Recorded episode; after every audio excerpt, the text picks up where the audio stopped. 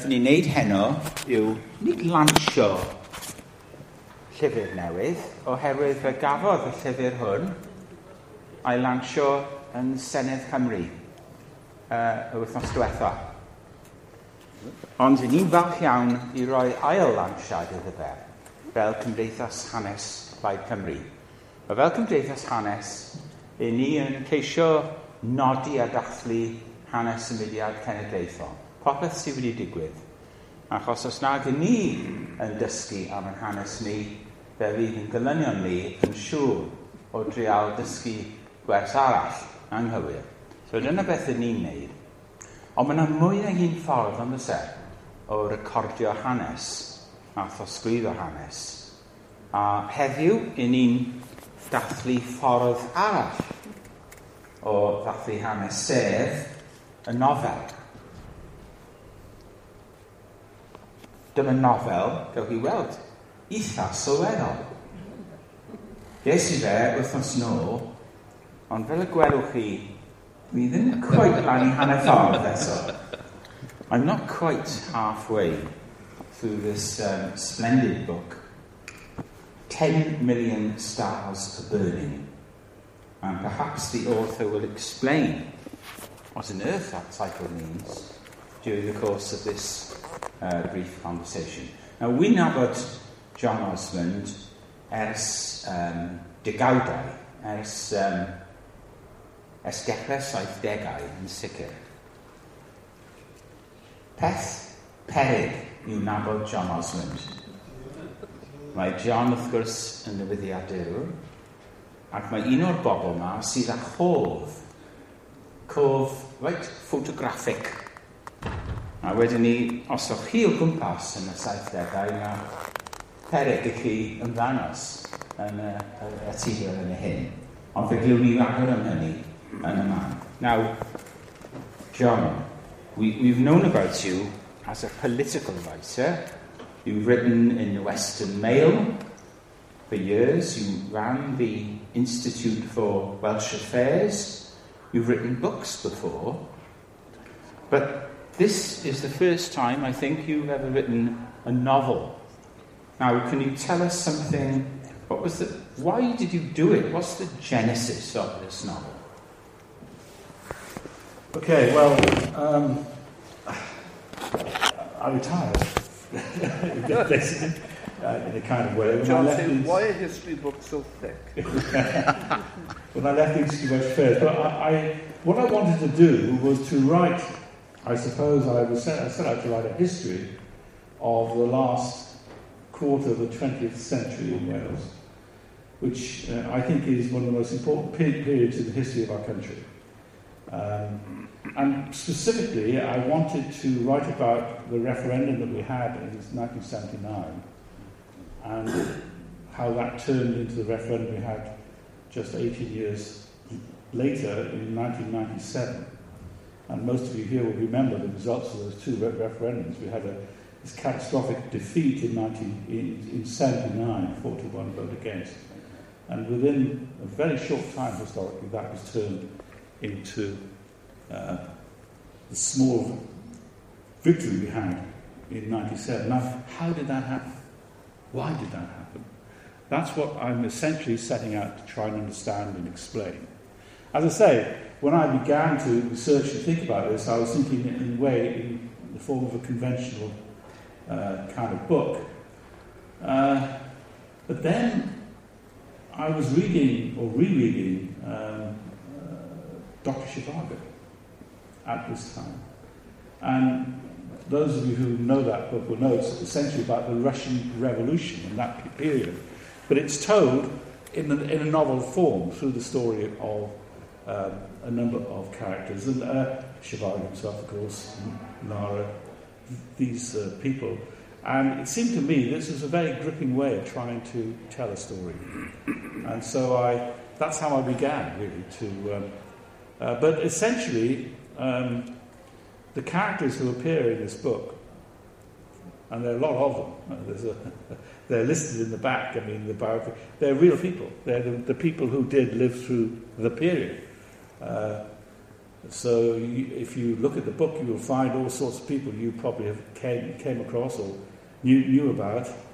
And um, what they say, uh, the interactions they have, the conversations they have, the words they use are their words. I mean, I researched their papers, newspapers, letters, Hansard, whole range of material um, which I, I, I've gathered. And although when they speak in, in, the, in the, the, the, the, immediate time or location they speak, they may not have used those words then. They did at some time around this, uh, uh, the period we're, mm-hmm. talk, we're, we're, talking about. But at the same time, uh, the kind of the narrative of the story is carried by two largely fictional um, ca- characters. Yes, tell me about the fictional characters. Now, um, I, I, as I said, read about halfway through, and there's a hero. Uh, at least I think he's a hero. Uh, he, he's the main character of the novel. He's, he's a journalist. As happens, that's funny, isn't it? In fact, he's a political journalist, and he works for a, a, a newspaper in Cardiff. With receding hair? Well, I don't know about the hair. This is 1970. What's it? We can start early. but um, anyway, uh, the name of the hero is Owen. Owen James in the text of the book, and I see. I seem to remember a certain gentleman with a name similar to that writing in the Welsh Nation um, way back along there. Now, is it just in any way uh, can you do you identify yourself with the hero? And there's also a heroine called Rhiannon. I better not inquire too deeply yet about her, but can you tell us a bit about the sire? If it's not too sensitive. no, well, the, uh, the, character is a journalist, and you're quite right. I mean, um, virtually everything that this character, Owen James, encounters, um, witnesses, debates in the House of Commons, for example, and conferences of this kind, and various other things, um, I indeed personally did, I mean, experience and witness those things. Uh, but uh, the actual, the personal life of this character is different to my own. That, that, that, is, that is the, the main Get difference. Uh, um, the, I wanted a, a female character um, as a kind of a leading uh, character in the story. And what was interesting in the 70s, when you look around, I wanted someone who was active in, in some sense in public life, who was an activist, who was kind of uh, engaging with events. And, but when you look around in the 1970s for a woman who had that kind of profile, you couldn't, I couldn't find. I mean, there were no female MPs, for example. There were very few female um, members of the local authority. Uh, virtually all the quangos, the appointed bodies were run by men. I mean, the whole of public life, you know, was largely male. But there was one, one area that I could find where women had a leading role, uh, or a role, of, if you should say, of, of, equality with men, and that was Cymdeithas in the 70s. And so I was drawn there, um, and that, in a sense, uh, almost unwittingly drew me into language politics, uh, but also because the, essentially what I was writing about was the devolution debate at that time, um, the language was very much bound up with the devolution debate. I mean, people like Leo Abse, I mean, used the language ruthlessly uh, to actually attack uh, those who were campaigning for the assembly of that time. And so, through this character, but also through um, through other subplots in the novel, I mean, uh, I was surprised actually how much the language seemed to feature in all the discussions. But, uh, so those are the, the two characters. Um, Rhiannon Jones Davis is from North Wales. She's a student in Aberystwyth. She gets involved with Cymdeithas yr Iaith and is drawn into their cam- campaigns. Ends up in prison uh, for doing the things that conservative rights activists did in those days.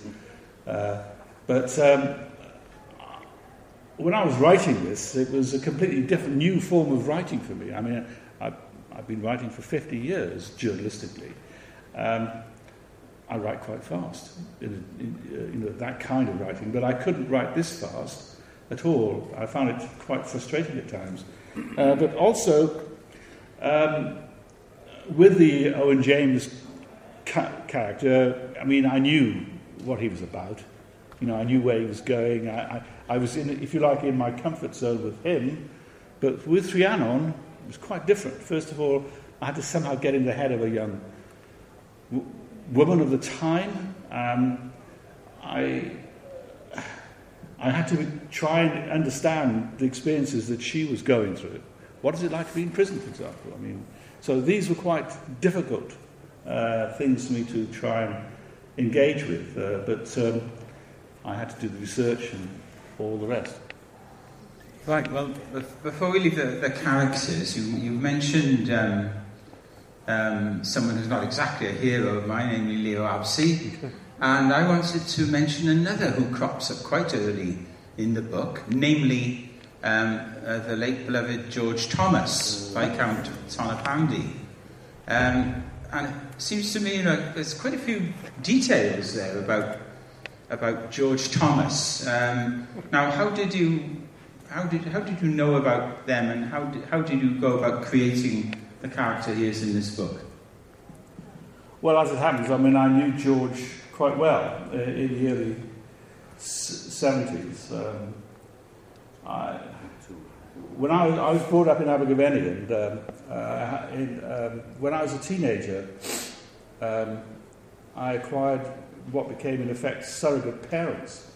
Because the minister in our church, the Presbyterian church, who came there, uh, he and his wife became great friends of my family. And as I say, they, um, uh, as a teenager, they were an, another set of parents to me, in, in, in, in effect. And um, Jones, who actually I base a character on in the book, but he, he was from the Rhondda originally, but he met most of his uh, ministry had been in Llanelli, but he came to Abergavenny, he said, for the, his final ministry. His wife was from Anglesey, and they retired there to Anglesey, and, um, and uh, I used to go fre- frequently to stay with him and so on. Um, and Penry's brother also retired to Anglesey. His, his name was Jack, and he became my Uncle Jack. and, uh, but he had run a hotel in London for many years. And it so happened that George Thomas, when he first became an MP in 1945, stayed in that hotel uh, and got to know Jack very well. In fact, I mean, George stayed in, in Jack's hotel for the best part of a decade. I mean, they did in those days. Uh, that's, they didn't get a flat or anything. In the week, they just stayed in, the, in, a, in a kind of B&B, but a hotel.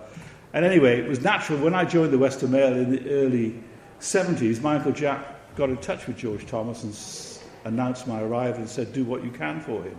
And, and he did. He took me under his wing and he was very, very useful to me actually in those early years. Uh, introduced me to a lot of people. When I went to the House of Commons, showed me around. He was, he was, uh, he was a great uh, source of information and stories and so on. Um, when it became clear my enthusiasm for devolution, however, he dropped me like a stone. But uh, that's another matter. Right, well, uh, not, as I said, I haven't quite finished reading, got up to the end yet, but um, the novel kicks off about 1970. 73. 73, yeah. 73. And I think it, it comes to an end with the first devolution referendum, is it? Around yeah, yeah, yeah. 1979. But you've promised us you're going to explain how Wales changed between the two main, I mean three, isn't there, but the two main devolution referendums. So does this mean there's more to come? Uh, and if so, how many and, and, and what, and when are you going to do them? well, uh, yes, a, I'm envisaging a, a, a, trilogy. So, volume two will look at the 80s, and the final volume will look at the period that leads from the end of the 80s up to 97. So, that's what I'm planning. Um, yeah, I it's, it is a major undertaking because that, as you say, is 600 odd pages. It takes us to something. The, but it's, it's. Um, I, I think what happened in that period warrants this kind of attention. So, Volume 2 uh, will examine, as say, the 1980s, and the crucial experience of Wales during that period was the miners' strike. And it seems to me, I mean, my understanding of what happened in those years is that the miners' strike was a hinge, was opened a door towards 97. So the experience of that strike, particularly in the South Wales fights, but Wales as a whole, because Wales as a whole became involved in that strike through the Wales Congress in support of miners' communities. There was uh, groups and committees in every town and village across Wales in support of the miners in those years. It was extraordinary, extraordinary time, extraordinary experience. And uh, I think it, it created the, uh, the idea, it put in the minds of the people of Wales that this was possible, that something different was po- possible. So I'm going to look at the 80s and the miners' strike in some depth. That's my intention, that's, what, that's the, the next, uh, the next vo- volume that I, I envisage. And then, um, curiously, I think the final volume might be the most difficult in a way, uh, but uh, I haven't really thought too, too much about that. But uh, anyway, so that's the, that's the plan. I mean, when I set out, I didn't think at all that it would come to this kind of length, and indeed, it was, um, to begin with, a major problem in the sense of getting, a, a publisher, because uh, publishers don't like big books, by and large. They're expensive and all the rest of it. But uh, anyway, I managed to get it out, so, so there we are. And, and how long have you been writing this uh, actively? Well, this has taken me the best part of four years, um, the research and the writing. And that's virtually um, full time. Uh, um, uh, well, just to give you an example, I mean, a key character in the book is who's been mentioned this afternoon actually is Phil, Phil, Phil Williams, who many of you will, will recall. Um, Phil's papers in the National Library are vast. His, um, his, I mean, mercifully, they've separated out, I don't know how they've done this. His scientific papers are separate from his political papers, but his political papers are run about 160 boxes in the National Library, and they haven't been catalogued. And I've been the first person to look at them. And uh, I was explaining earlier on, I even had to go down and number the, the boxes. So they weren't even numbered. So I was going to get sure getting the same box up again all the time. But I, have only got as far as probably box 72, I think it is. Um, but uh, wealth of material in there. I mean, not. I mean, Phil just kept everything. He, he I mean, not just his own papers.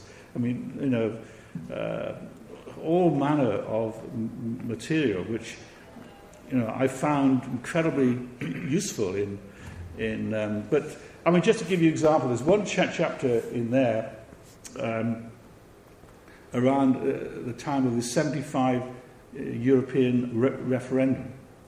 And just before that referendum, Plaid Cymru, a delegation from Plaid, went to Brussels. In that year, all manner of delegations from Wales went to Br- Brussels.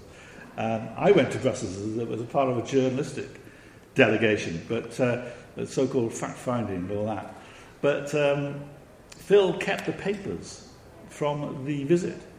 He, there's the timetable, you know, who they met over three days. Mm-hmm. Um, and uh, he gave a press conference at the end, and there's the notes in his own handwriting of the press conference he gave. So that was a kind of, for me, a kind of a scaffolding in which I could construct a chapter around a visit. Know. I mean, the, the delegation actually included the three MPs, Phil, Eurfyl ap Gwilym, who was the party chair, I think, at that time. Phil was the vice president. Um, Rob Griffiths. Robert Griffiths. Oh, I'm not sure whether you were there. Yeah, you were there. I, there. Oh, yeah. um, I couldn't. I couldn't include them all. It was. It was too difficult. So, the, yeah. for the purpose of the book, the delegation is the three MPs and Phil. But nonetheless, you know that provided me with, uh, and you know, enabled me to get into the debates around what the, that referendum was about, the arguments about the, the relationship of Wales with, with the Europe and so on. So, I mean, there were quite a few things of that kind I was able to find uh, in, uh, his boxes, which I haven't uh, you know, completely gone, gone through yet. Okay, now explain the title, if you please. All right, well, um, the, uh, I mentioned the, the miners' strike in, in, um, in, in 84, 85. But in many ways, in many extraordinary ways, that was a kind of almost a reprise, a kind of a reliving of the 1926 strike. Um, in, in, there are sort of all sorts of pa- parallels, but it so happened that in 1976, uh, a new organisation called Llafur, which is the Welsh Labour History Society, um, organised a conference um, uh, at the University of Glamorgan in Treforest, uh, a 50th anniversary conference of the strike. Um, and uh, that was a very useful uh, uh, kind of uh, moment for me because I could build um, a chapter or s- several chapters around the conference which looked back at 1926 and by implication looks forward to 1984-85 because you know, a key theme um, and a key part of the experience of those years was, in a sense, defeat. You know, w- Wales is a, is a culture of defeat uh, in many ways in, in its history. 1926 was a huge defeat. Um, 84, 85 was a defeat. Um, the Welsh people, you know, have lived down through their whole experience, you know, from the Normans onwards with defeat. Uh, 1997 was a rare victory, of course, but uh, so I had to get inside and understand this kind of psychology of, of de- defeat. So the whole um, the whole thing around that conference and uh, looking back to 1926 is is a very important part of the the novel. Anyway, when I was researching all this, I came across again and reread uh, the work of Idris Davies, the, the, the poet. And um, of course, he wrote his famous poem on 1926. You know, we shall remember 1926 until our blood is dry. Um, but he also wrote another poem called Gwalia Deserta, which uh, this line is, is taken from. So it's a line of Idris Davies, and it's, it's a line from that poem. It's a stanza which goes, I think, if I can remember, uh, 10 billion stars are burning above the plains tonight, but one man's dream is greater to set the world alight. And this chimed with me with a feeling that I try to get across in the book that uh, uh, the whole question of Welsh identity, the survival of Welsh nationhood, is in a sense, historically, against all the odds. And it, it has been contingent, really, on um, a small number of individuals who've been determined that Wales will live, will survive, will somehow overcome this defeat. And um, some of the individuals are, you know, in the book. Um, uh, but uh, Evans, for example, is a, is a, you know, a man who was, uh, know, it wasn't a question of pessimism of the intellect or optimism of the will. He was just a crazy optimist, you know. but, uh, but he in a sense, you know, one's man's dream. You know that. So that's where that's where the line and the idea uh, come, comes from. Oh, great. Fawr iawn. Thanks very much. Um, we'll be sort of drawing to a close, and if anyone's got a burning question to ask, um, now will soon be your time. But I just wanted to make sure you could understand this book is now going on sale. Um, as, I, as I said, I've got about halfway. But Peter Finch, who was um, in the Senedd last week, has read it all, and he said there was something like 300 characters in it. Uh, so, uh, John has modestly said about 200, but these are the real, these are the people, you know, who actually walked and maybe still walk uh, the land of Wales uh, somewhere, apart from the fictional ones. There's, there's a host of characters in it, and it's a really I can assure you, having, having been around at the time, it is a really good explanation of, of the historical things which are going on in Plaid Cymru and in Welsh nationalism in Wales more generally. And you really get the feel, you really get the feel of what it was like uh, to be around at that time. Well, the book is priced quite modestly at um, a penny short of £12. But in this conference, you can buy it for you can buy it for ten, not twenty pound. ten pounds, and you can get the signature of the esteemed author. And Mary has got a number of books. and We'll be only too happy to relieve you of your ten pound note and convert it into a very, very valuable sort of history. Now, um, os rhywun yn y question, anyone like to well, make a point? Well, I was just wondering, John, is there a, a fun and a fun chapter? You know, sort of like the lady, that. The lady that I, I thought you said you you had to get in her head, but I didn't wonder when it was in her bed you were trying to get. That's not a question. I'm ruling that out of Just trying to sell the book to you. Make appeal to the chairman of the party. Dr. Zhivago is a, a fictionalized uh, account A of the revolution, but also the main characters are Pasternak uh, is, is there in the novel, but fictionalized as is La, and Lara is fictionalized as well. Mm. But so he, he, he actually sort of re, re-dreamt it all, re, re, rewrote it. You're trying to mix two things. You are creating some characters, but the main characters are real people saying things that they actually said. The, the, are you in danger of falling between two stools? Yes. I can say, I'm ready, so I have no idea. Uh, well, yes. Um, it, you know, there is a genre which has emerged, you know, which this fits into. It's called the documentary novel, and uh, it's an American invention, really, from the mid part of the 20th century. But, um, you know, Norman Mailer, he made a point decades ago that uh, it is now impossible, I think he said in the 60s, it's now impossible to write fiction because actuality is stranger, you know. And um, in many ways, uh, I mean, I'm thinking particularly about uh, the period that this book engages with. I mean, some of the actual characters that, you know, are so incredibly interesting and complex.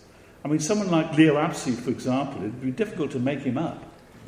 Uh, um, um, you know, I, I never met Apsey in, in the 70s. Um, I, I, in the 70s, I hated him. I mean, he was, uh, some of you will remember, he was a very powerful, uh, ruthless advocate of, of, of the unionist cause. Um, but I did meet him in the 80s and actually got to know him quite well and uh, got to like him, as a matter of fact. I mean, he was, yeah, he was semi-corrupt. I mean, I go into that in the book. Um, he fleeced his own constituents uh, by, by um, oh, I go in, but he had a scam over leasehold uh, in which he was making large amounts of money through leasehold schemes out of his own constituents. That's in the book. Um, and that's true, by, by the way. Um, I mean, legally he was doing it, but he, he uh, um, and he was a highly narcissistic man. But all the same, he was a very, very complex, interesting man, and um, you know we had a deeply, deep sense of understanding of the psychological hang-ups and make-up as colleagues in the House of Commons in particular, which he went into uh, in his own books. Um, so you know, you couldn't make up his, then uh, other char- characters are there. You know, uh, the poet John Tripp. I don't remember, remember him. Uh, he he a, has a strong role in the book. Um, so there are all sorts of subplots and sub-themes which, which explore various aspects of, in their essence, what you know, Welsh identity is and the relationships between English and Welsh-speaking Wales, rural and urban, and all of that, uh, and the um, ideology of, of Cymdeithas yr Iaith, you know, uh, those sorts, those sorts of issues come through. Um, I mean, I was, I went back and read, for example, Cynog Dafis's manifesto, Cymdeithas yr Iaith.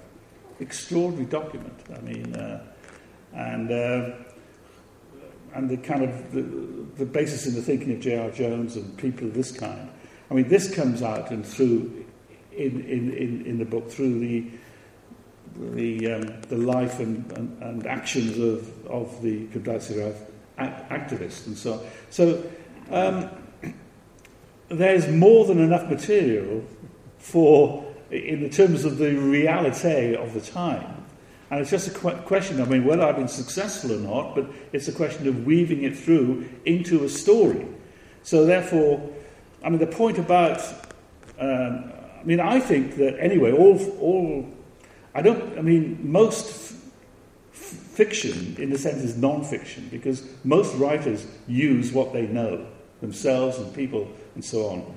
I mean, if you look at someone like Tolstoy, for example, War and Peace, I mean, the main characters are based on either himself or people he knew. I mean, they, and so so on. But um, and the issue is in, in a book of this kind, it seems to me, whether you can draw in. This is the motivation.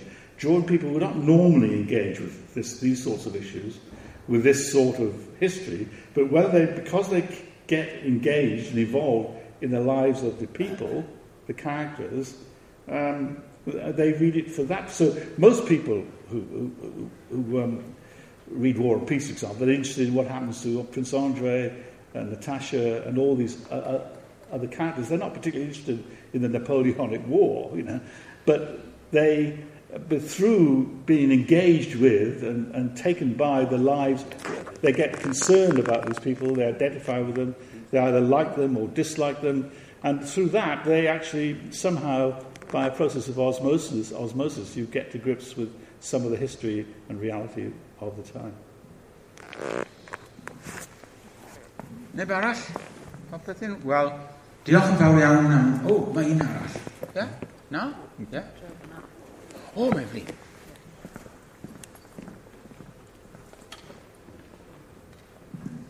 Um, just two questions, really. You talked about getting inside the mind of societies of the time and the psychologies of defeat, which uh, seem quite timely given what we're going through at the moment.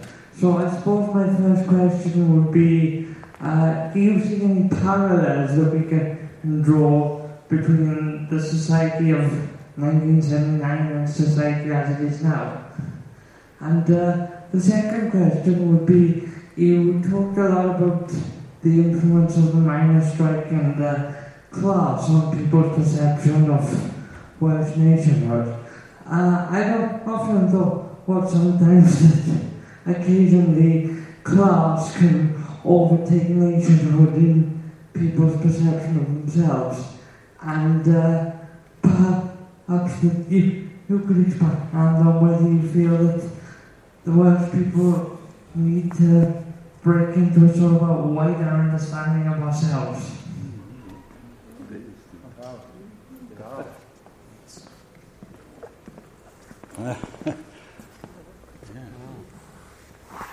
Well, uh, there are uh, pa- parallels, of, of course, with what went on in the 70s and what's happening now. In particular, you know, there was a referendum on, the, on what was then the common market, and uh, we're having to deal with the, um, uh, the results of the referendum we had in 2016. So the debate over Wales's or Britain's and Wales's relationship with a European vocation um, was becoming very vivid in that time, and I explore that in great de- detail. And it's still here, it's still with us, it's still unresolved. And so, in that sense, there are all sorts of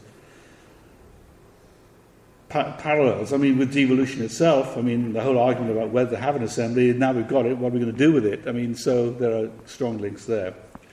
On this question of class and uh, so on, what was, I thought, well, when, when you look at the history of the miners' strike in 84 85, um, uh, the, it, I mean, the slogans that they were using was the NUM is fighting for Wales. Those were the slogans. And I think there was a strong sense of they were defending their communities. They, were def- they weren't seeking a. They, the strike was not about pay, it was about keeping jobs and defending communities. And that resonated you know, with the nation as a whole. I mean, no question about it. Um, so there was a sense, for a moment, especially through organisations that say, like, well, the involvement of women in the strike, in particular, which happened, I mean, on, on a scale that was un, you know, unprecedented, mm. and um, the involvement of, of communities across Wales in the strike for, it has to be said, for a relatively short period, but nonetheless, it, um, it, it, it, it, it formed a union of class and nation, I think, uh, which was formative, formative at the time. And as I say, um, I'm convinced, you know, created the, the kind of the soil in which we could plant um, the campaign for the refer- for the assembly that we had in ni- in '97. So, yes, of course, um, in the Labour Party too, um, there was a strong sense of class trumps nation. That debate, by the way, is in the book. Uh, but I think um, the experience of this time, um, there was brief moments when you could see uh, glimmers of how, you know, when Wales actually came together and acted as one, when a nation does that, it's unstoppable. And, uh, and uh, you could see how that actually did, did happen. I was just wondering whether, in your opinion, class um, does trump nation, or that union of class and nation that you talked about, was that necessarily a good thing, or did we maybe lose sight of our nationhood and maybe looking at our class slightly too much to the forefront, with our nationhood going straight to the back? Uh, well, I'm not, I'm not sure how to answer that, but except to say, or to reiterate really, that uh, um,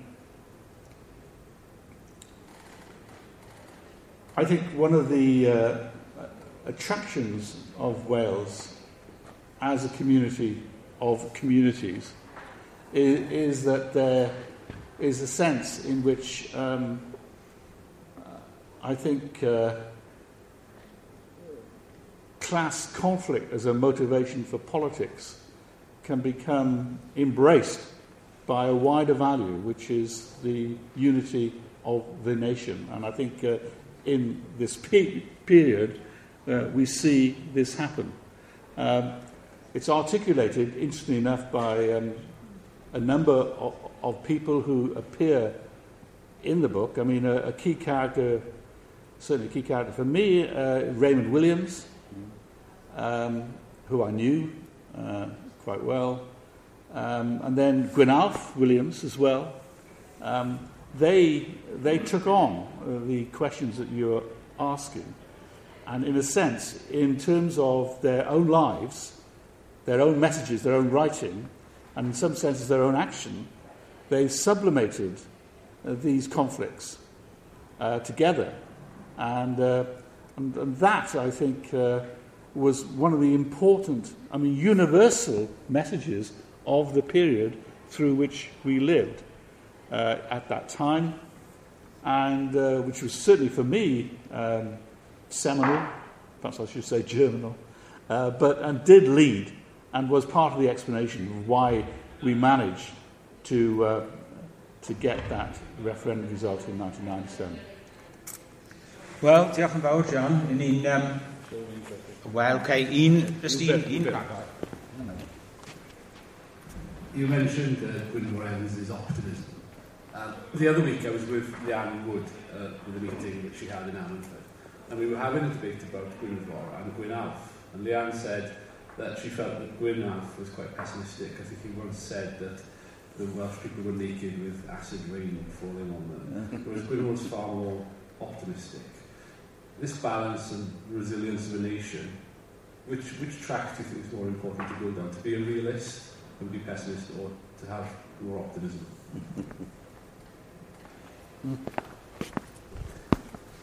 Well, Gwyn Alf was a, a great follower and exponent of uh, an Italian Marxist called Gramsci, and wrote about him a good deal.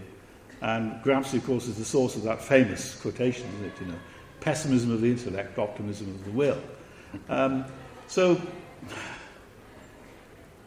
sometimes with Gwyn Alf, I think his, uh, his emotional life overtook him, you know what I mean? Particularly in the way he expressed himself and, and felt it. He also, but he, he, he suffered a good deal from depression. you know, what he called, what many have called the black dog and all that. And that's, uh, from time to time, I think he was overwhelmed by it. He had a very, um, his personal life was fairly chaotic in lots of ways. Um, but he was a magnetic, anyone who knew him, he was a magnetic personality. And uh, I think um, it was Gwynfor who told Gwyn Alf that he had to write a history of Wales. You know? So uh, uh, Gwynfor was a kind of a, a bit of a one-off. You know, a lot of these people were. I mean, I, I've never. I, I knew Gwynfor, particularly in the seventies, really rather well, but I don't think I actually knew him. You know, really. Um, he he was in some way incredibly naive person, uh, and at the same time extremely cunning. Also ruthless, saintly. You know, he, he was uh, he, he was a, well. You knew him extremely well, um, but in different ways, obviously. Uh, um, but he just had this. Um, in, in it, what it came down to with Gwynfor, I think, that he came out of. Uh, I mean, I once had a long conversation with him about what his politics were, because, you know, uh, the Tories accused him of being a socialist, uh, Labour accused him of being a Tory, um, and, you know, he was called all sorts of things. Um, he didn't like the word socialist. I mean, he went along with community socialism in the end. I mean, Gwynfor was always motivated by unity in the party. He always voted, or he always did whatever was, was, was motivated towards unity in the party. That was the overwhelming uh, requirement for him. I mean, Gwynfor described himself as a radical. I'm a Welsh radical, you know, in the, you know, Ellis, Lloyd George, these people. Um, uh, but fundamentally, he was religious, I think. And that's what, you know, he, uh, he was sustained by his faith. And so, in some ways, he was very old fashioned in that, particularly by today's standards. So, his religious faith was, was, was molded effortlessly into his political faith. So, he just believed. He believed. Wales he said, will he said he was a pacifist before he became a nationalist. Yes, yes, yes. So, so, but he had this sort of intensity of a religious faith that uh, meant that he could sweep all manner of things aside. And, um, uh, and uh, he, he somehow managed to. I mean, I'm going, I'm going to write in the, the beginning course of, of my volume two is Gwynfor, is the, well, a large part of volume one is the campaign for a channel, S4C and so on. Triana goes to jail because, you know, she goes to um, television mast outside Manchester and switches it off and gets six months inside. Thought then three months. Um, but of course, the opening of the 80s is, is the count, you know Gwynfor's you know threat to fast and so on, and uh, all of that. So I'm going to have to somehow deal with that. Was a um, and uh, you know I mean. Uh, and but he a very close friend of, of, of Gwynfor's was Pennar Davies. Uh, and before Gwynfor made his decision, he was based his ideas a bit on Gandhi and so on, but he went because he was worried about the morality of his position in terms of fasting to death or threatening to. And so he had a conversation about this uh, with Pennar Davies, and I want to reconstruct that conversation in, in the next book. Um, I don't know how to yet. Uh, uh, because presumably it was private and I can't. but anyway, I'm going to have to. Re- I want to recreate that, but that will get you somehow to the heart of, of, of Gwynfor as a man. But as I say, I, I think ultimately you have to understand him by his sense of a, of a, of a, a religious faith.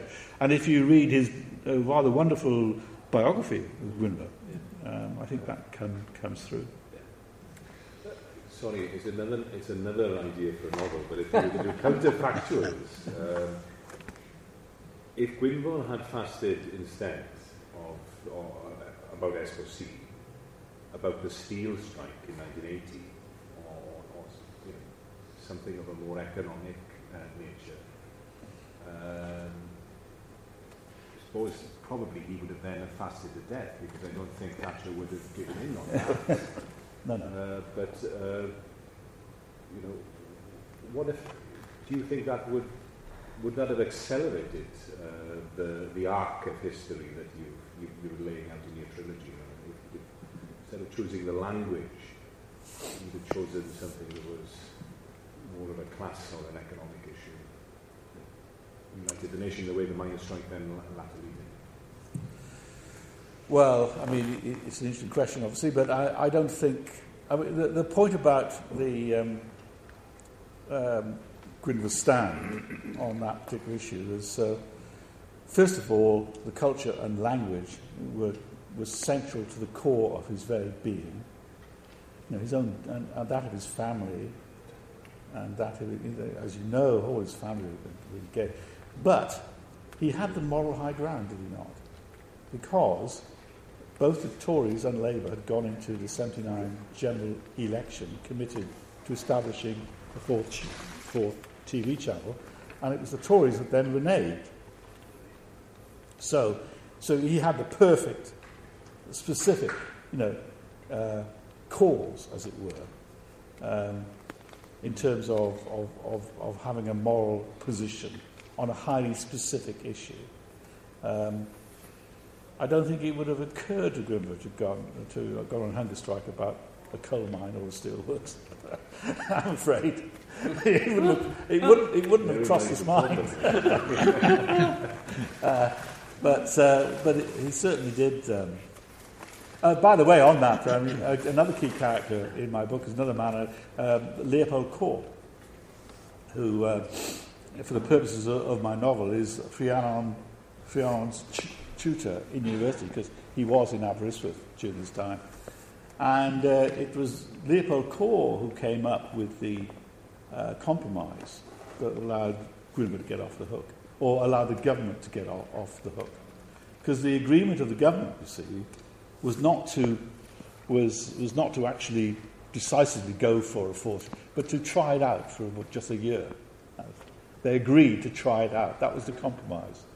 So we'll, we'll experiment with it for one year, and if it works, we'll carry on. If it doesn't, we'll go back to a, a multi-channel approach.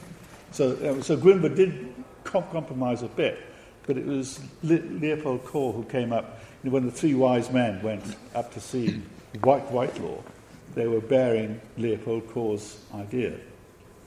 And I've been to um, Leopold Kohr's archive is in Salzburg, where he was from, of course. And I've been there, I've been through his archive. Um, and there's a letter to him, to Leopold Kohr, from Goronwy Daniel, who was one of the three wise men, thanking him for his formula, which allowed them to persuade White, Whitelaw.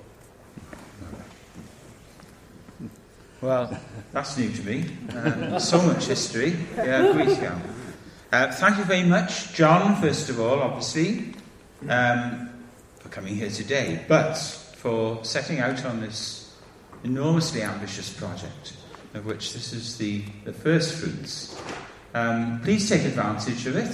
The books are here. You are very welcome to purchase. I know Christmas is a while away yet. We can think of that as well.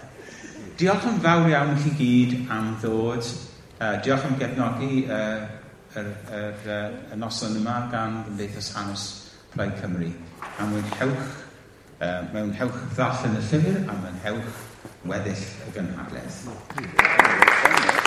Thank you very much.